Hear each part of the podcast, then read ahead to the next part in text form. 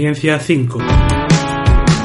Un podcast sobre ciencia, un canal de YouTube, un blog e moitas, moitas, moitas máis cousas. Comezamos.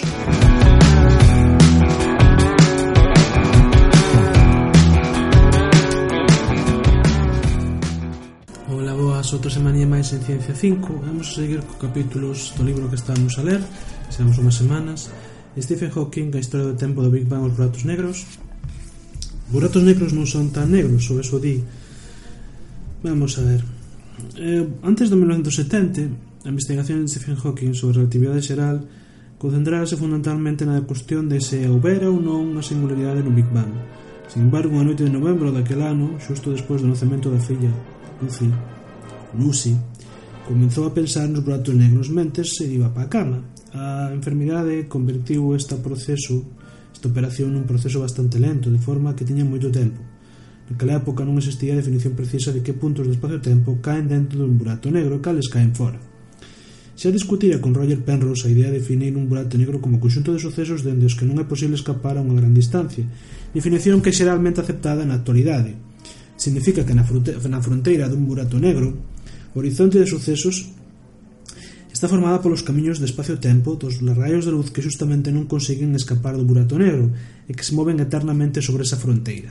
E algo parecido o que ocorre algo parecido ao que ocorre cando corres, valga a redundancia, escapando da policía e consigues manterte por diante pero non eres capaz de escapar sen deixar rastro. De repente, Stephen Hawking entendeu que os camiños destos raios da luz nunca poderían aproximarse entre sí, Se o fixeran, deberían acabar chocando. Sería como atoparse con algún outro individuo huindo da policía no sentido contrario. Ambos serían detidos. Ou neste caso, os raios de luz caerían no burato negro. Pero se estes raios luminosos foran absorbidos polo burato negro, non habería estado entón, non estarían, perdón, entón na fronteira do burato negro. Así os camiños dos raios luminosos no horizonte de sucesos teñen que moverse sempre ou paralelos ou alonxándose entre sí, Outro modo de ver isto é imaginado polo horizonte de sucesos na fronteira do burato negro. É como eh, é como o perfil dunha sombra, unha sombra dunha morte inminente. Se un se fixa na sombra proxectada por unha fonte moi lonxana, tal como o sol, verá como os raios de luz do perfil non se están aproximando entre sí.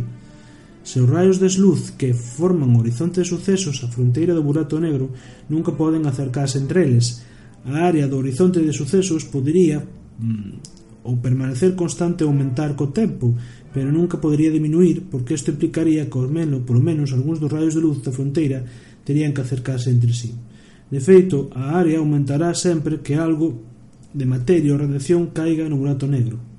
Ou se dous buratos negros chocan entre e quedan unidos formando un burato negro a área do horizonte de sucesos daquel burato negro final sería maior ou igual á suma das áreas dos horizontes de sucesos dos buratos negros orixinais. Esta propiedade de non disminución da área de horizonte de sucesos produce unha restricción importante dos comportamentos posibles dos buratos negros. Creoulle bastante expectación cando o descubrimento que case non puido dormir esa noite. O día seguinte chamou a Ponros el estivo de acordo con el. Cree que, de feito, xa era consciente desta propiedade da materia, sin embargo, el estivera usando unha definición de burato negro, Penrose, lixeiramente diferente. Non se dera conta, Penrose, de que as fronteiras dos buratos negros de acordo coas definicións eh, coas dúas definicións serían as mesmas polo que tamén serían as áreas respectivas con tal de que o burato negro se estabilizara nun estado estacionario no que non existisen cambios temporais. O comportamento non decrecente da área dun burato negro recorda o comportamento dunha cantidade física chamada entropía que mide o grado de desorde dun sistema. É unha cuestión de experiencia diaria que o desorde tende a aumentar se as cousas abandonan por elas mesmas. Un solo ten que deixar reparar cousas na casa para comprobalo. Pódese crear orde a partir do desorde, por exemplo, un pode pintar a casa, pero isto non require un consumo de esforzo de enerxía, polo tanto diminúe a cantidad de enerxía ordenada ostentible, ostentible, no, ostenible, tenible, obtida, perdón. Un enunciado preciso desta idea coñécese como a segunda lei da termodinámica, di que a entropía dun sistema illado sempre aumenta e cando dous sistemas se xuntan a entropía do sistema combinado é maior que a suma das entropías dos sistemas individuais. Consideramos, a modo de exemplo, un sistema de moléculas de gas nunha caixa. As moléculas poden imaxinarse como pequenas bolas de billar chocando continuamente entre sí e coas paredes da caixa. Canto maior sexa a temperatura do gas, con maior rapidez se moverán as partículas e, polo tanto, con maior frecuencia e intensidade chocarán contra as paredes da, da caixa. E maior precisión, cara fora, exercerán. Suporamos, supoñemos que as moléculas están inicialmente confinadas na parte esquerda da caixa mediante unha parede separadora Se se quita dita parede, as moléculas tenderán a expandirse e a ocupar as dúas metades da caixa. Nalgún instante posterior, todas elas poderán estar por azar na parte dereita e de novo na metade esquerda, pero é extraordinariamente máis probable que haxa un número de, de partículas aproximadamente iguais na cada un das metades. Tal estado menos ordenado ou máis desordenado que o estado original no que todas as moléculas estaban nunha metade. Dice por eso que a entropía do gas aumentou. De maneira análoga, supoñamos que empeza con dúas caixas, unha que contén moléculas de oxígeno e outra de moléculas de nitróxeno. Se se xuntan nas caixas, en se quitan as paredes separadoras, as moléculas de oxígeno e nitróxeno empezarán a mezclarse. Transcurrido certo tempo, o estado máis probable será unha mezcla bastante uniforme de moléculas de oxígeno e nitróxeno en ambas caixas. Este estado estará menos ordenado, polo tanto terá máis entropía que o estado inicial das dúas caixas separadas. Ola boas, depois dunha pausa seguimos. A segunda lei da termodinámica ten un estatus algo diferente das restantes leis da ciencia como da gravidade de Newton, por citar un exemplo. Polo que, sempre, polo que non sempre se verifica cando sí na imensa maioría dos casos. A probabilidade de que todas as moléculas de gas na primeira caixa se atopen nunha metade pasado certo tempo é de moitos, de millóns, de millóns frente a un pero pode suceder. Sin embargo, se un ten un burato negro, parece existir unha maneira moito máis fácil de violar, parece unha maneira máis fácil de violar a segunda lei, simplemente lanzando un burato negro en materia con gran cantidad de entropía, como por exemplo unha caixa de gas. A entropía total de materia fora do burato negro diminuirá. Todavía, aínda se pode dicir, dende logo, que a entropía total, incluindo a entropía dentro do burato negro, non disminuiu, pero, dado que non hai forma de mirar dentro do burato negro, non, teremos, non poderemos saber canta entropía ten a materia de dentro. Sería entonces interesante que houbera algunha característica do broto negro a partir da cal os observadores fora del puderan saber a súa entropía e que esta aumenta sempre que caera nun burato negro materia portadora de entropía.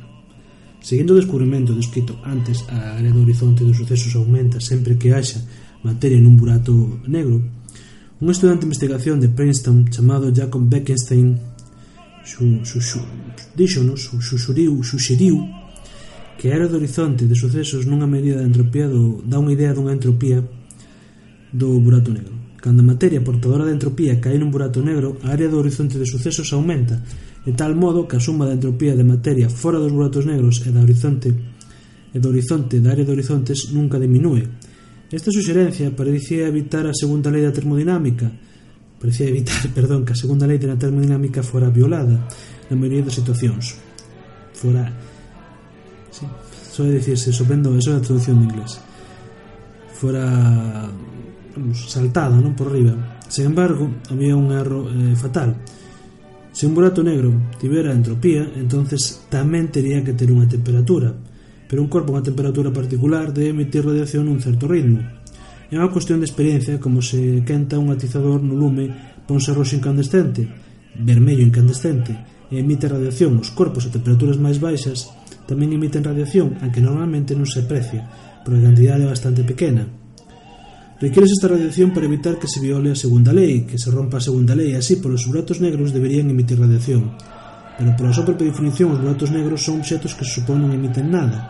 Parece, polo tanto, a área dun burato negro non podría asociarse coa súa entropía. Nos 72, eh, Steve Hawking escribiu un artigo con Brandon, con Brandon, con Brandon Carter e un colega norteamericano, Jim Bardeen, eh, no que se lanaban que, había, que vera moitas semellanzas semellanzas entre a entropía e a do, do, do horizonte dos sucesos, existía esta dificultad aparentemente fatal. Hawking admite que ao escribir este artigo estaba motivado en parte pola, polo enfado contra Bekenstein, quen, según el cría nese momento, a, abusara da súa descubrimento do aumento da área do horizonte de sucesos, pero ao final resultou que ele estaba basicamente no certo, aínda que de unha maneira na que Stephen Hawking non podía eh, esperar. No 73, en setembro, durante unha visita de Stephen Hawking a Moscú, discuteu acerca de buratos negros con dous destacados expertos soviéticos, Yakov Zeldovic e Alexander Starov, eh, Starov, perdón, Starobinsky Convencerono de que, de acordo co principio de certidumbre da mecánica cuántica, os buratos negros en rotación deberían crear e emitir partículas. Aceptou os seus argumentos por motivos físicos, pero non lle gustou o modo matemático como calcularan a emisión. De feito, eh, el emprendeu a tarefa de idear un tratamento matemático mellor, que describiu nun seminario informal en Oxford a finais dos novembro de 33. En aquel momento, aínda non se realizaran os cálculos para topar cando se emitiría realmente cantos emitiría realmente.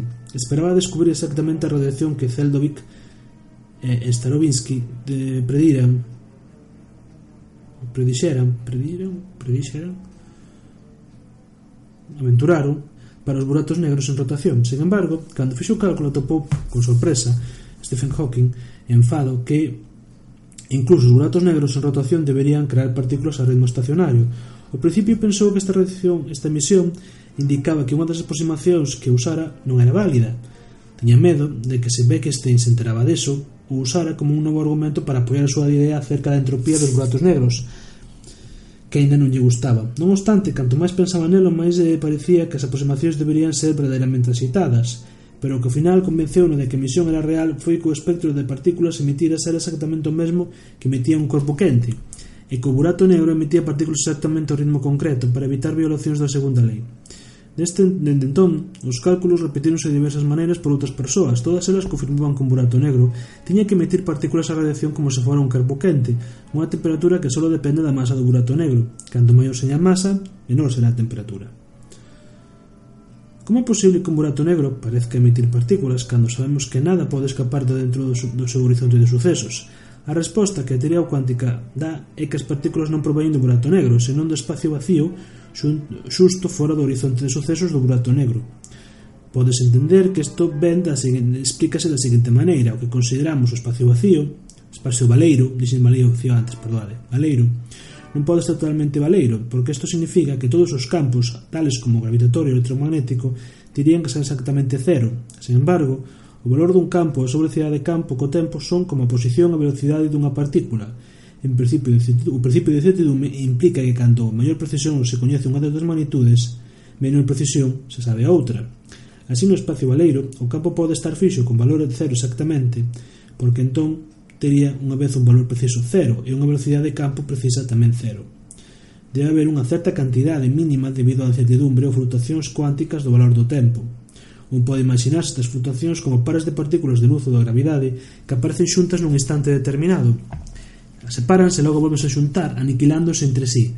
Estas partículas son partículas virtuais, como as partículas que transmiten a forza gravitatoria do Sol, ao contrario que as partículas reais non poden ser observadas directamente cun detector de partículas. Non obstante, son efectos indirectos, tales como pequenos cambios nas enerxías das órbitas electrónicas nos átomos, poden ser medidos e concordan con as predicións teóricas con alto grado de precisión. O principio de certidumbre tamén predi Ventura que haberá pares similares de partículas materiais virtuais como electróns ou quarks. Neste caso, sin embargo, un membro do par será unha partícula e outro unha antipartícula. Son partículas de luz, antipartículas de luz e a gravidade son as mesmas que as partículas. Como a enerxía non pode ser creada da nada, un dos componentes dun par de partícula antipartícula terá enerxía positiva e outro enerxía negativa.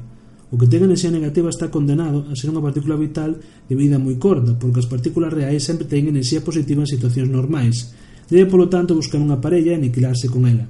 Pero unha partícula real cerca dun corpo masivo ten menos enerxía que se estuvera lonxe, porque necesitará necesitaría enerxía para alonxarse en contra da rotación gravitatoria do corpo. Normalmente, a enerxía da partícula aínda sigue sendo positiva, pero o campo gravitatorio dentro dun burato negro é tan intenso que incluso unha partícula real pode ter ali enerxía negativa. É, polo tanto, posible para a partícula virtual con enerxía negativa Se está presente un burato negro, caer no burato negro e convertirse nunha partícula antipartícula real.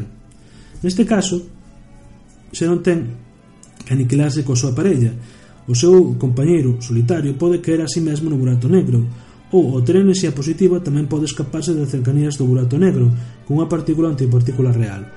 Para un observador lonxano parece, eh, parece ser emitido dentro do burato negro. Canto máis pequeno sexa o burato negro, menor será a distancia que a partícula con enerxía negativa terá que recorrer antes de convertirse nunha partícula real e, por conseguinte, maiores serán as velocidades de emisión e a temperatura aparente do burato negro. A enerxía positiva da radiación emitida será compensada por un fluxo cara burato negro de partículas con enerxía negativa. Pola ecuación de Einstein e mc cadrado, onde a enerxía m a masa e c a velocidade da luz ao cadrado, saberemos que a enerxía é proporcional á masa. Un fluxo de enerxía Un fluxo de enerxía negativa eh, ou cara ao burato negro reduce polo tanto a súa masa. Conforme o burato negro perde masa, a área do horizonte de sucesos diminúe, para a conseguinte diminución da entropía do burato negro é compensada de sobra pola entropía da radiación emitida, e a segunda lei non é violada, non é rota, rompida. Ademais, cando máis pequena seña a masa do burato negro, tanto maior será a súa temperatura. Así, cando o burato negro perde masa, a súa temperatura e a súa velocidade de emisión aumentan e, polo tanto, perde masa con maior rapidez. O que sucede cando a masa de burato negro se rompe se fai con tempo extremadamente pequeno non está claro, pero a suposición máis, máis razoable é que desaparecerán completamente unha tremenda, desaparecerá, perdón, completamente nunha tremenda explosión final da radiación equivalente á explosión de, mil, de miles, no, de millóns de bombas H. Un burato negro, cunha masa dunhas poucas veces a masa do Sol, tería unha temperatura dunhos solos de, de solo, perdón, unhos 10 millóns, unhas 10 millonésimas de grado por encima do cero absoluto este moito menor que a temperatura de radiación do microondas que leva o universo, aproximadamente igual a 2,7 grados por encima do cero absoluto, polo que tales buratos negros emitirían incluso menos do que absorben. Se o universo está destinado a continuar expandíndose para sempre, a temperatura da radiación do microondas diminuirá e co tempo será menor que a do burato negro das, das características desas características que entón empezaría a perder masa.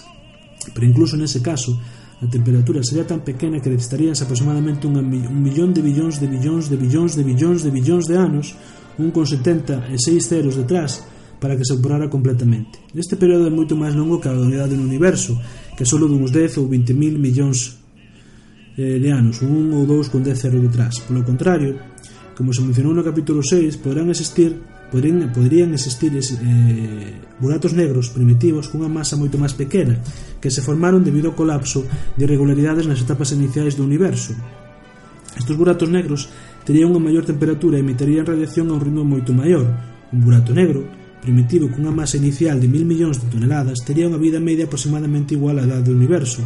Os buratos negros primitivos son masas iniciales menores que a anterior, xa se evaporarían completamente, pero aqueles con masas ligeramente superiores aínda estarían emitindo radiación en forma de raios E e raios gamma.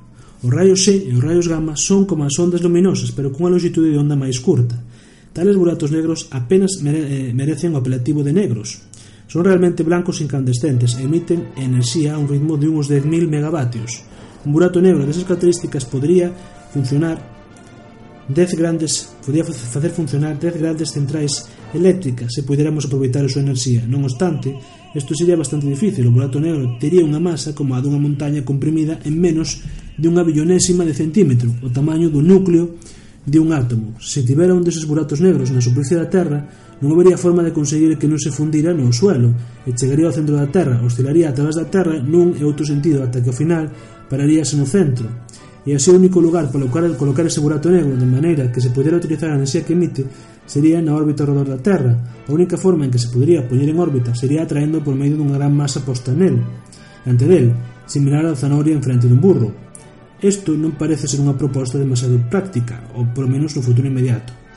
Pero aínda non podemos aproveitar a emisión destes buratos negros primitivos cales son as nosas posibilidades de observalos poderíamos buscar os raios gamma que emiten durante a maior parte da súa existencia, a pesar de que a radiación da maior parte deles sería moi débil porque estaría moi lonxe e total todos eles se, sería detectable. Poderíamos observar ese fondo de raios gamma como difire a intensidade observada coa prolita diferentes frecuencias o número de ondas por segundo. Sin embargo, ese fondo de radiación podría, podría perdón, eh, ser xerado eh, con, eh, probablemente foi por outros procesos distintos aos buratos negros primitivos debería variar a intensidade coa frecuencia para raios gamma producidos por buratos negros primitivos, segura polo término medio 300 por ano luz cúbico. Pódese dicir, polo tanto, que as observacións dos fondos de raios gamma non proporcionan ninguna evidencia positiva da existencia de buratos negros primitivos. Pero dinos que pode haber máis de 300 por, eh, por cada ano luz cúbico do universo. Ese límite implicaría que os buratos negros primitivos poderían constituir como moito millonésima parte da materia do universo. Os seus buratos negros primitivos así de escasos, parecería improbable que existise un suficientemente cerca de nós como para poder observalo cunha fonte individual de rayos gamma. Sen embargo, Sen embargo, dado que a gravidade atrevería os buratos negros cara a materia, estes deberían estar en xeral ao redor e dentro das galaxias. Así que, a pesar que o fondo de rayos gamma dinos que non pode haber por término medio máis de 300 buratos negros primitivos por ano luz cúbico, non nos di nada de cantos podría haber na nosa gala propia galaxia.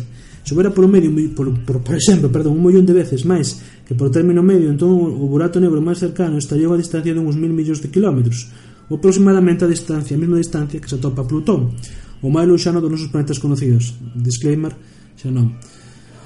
A esta distancia aínda sería moi difícil detectar a emisión estacionaria do burato negro, incluso aunque tivera unha potencia de 100.000 megavatios. Para atopar que se observa un burato negro primitivo, teríanse que detectar varios cantos rayos gamma provintes da mesma dirección nun espacio de tempo razoable, por exemplo, unha semana.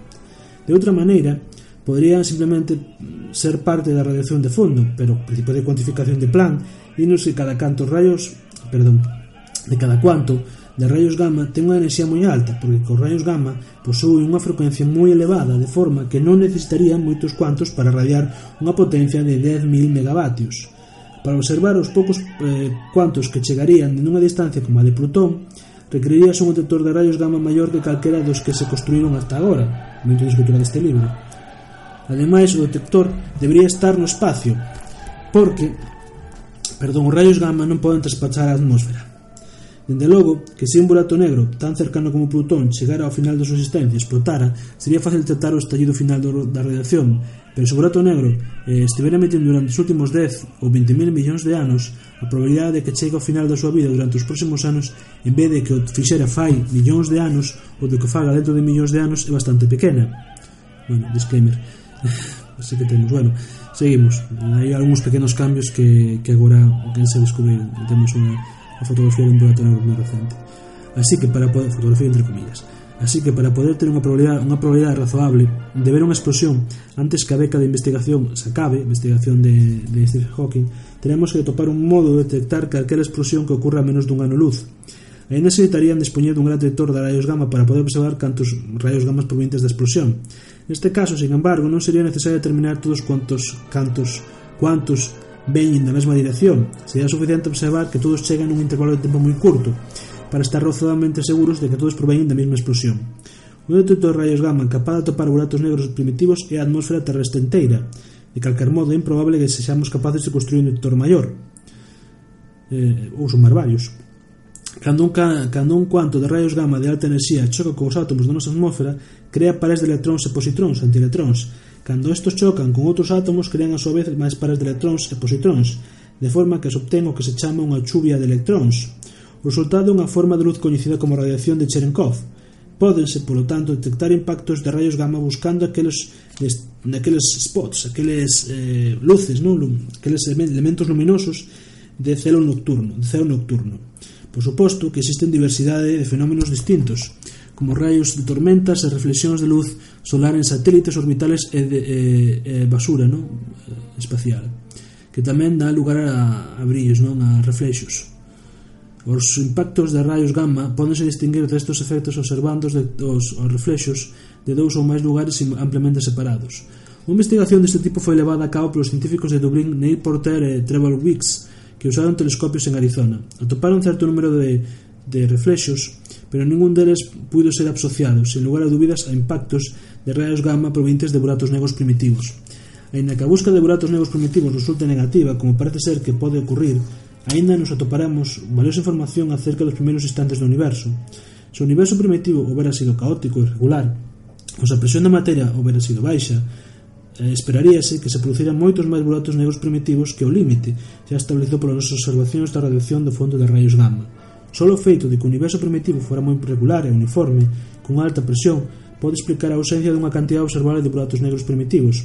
A idea de existencia da radiación provinte dos buratos negros foi o primeiro exemplo dunha predición que dependía dun modo esencial das dúas grandes teorías do noso século, a relatividade xeral e a mecánica cuántica. O principio levantou unha forte oposición porque rompeu ou e moveu o punto de vista existente.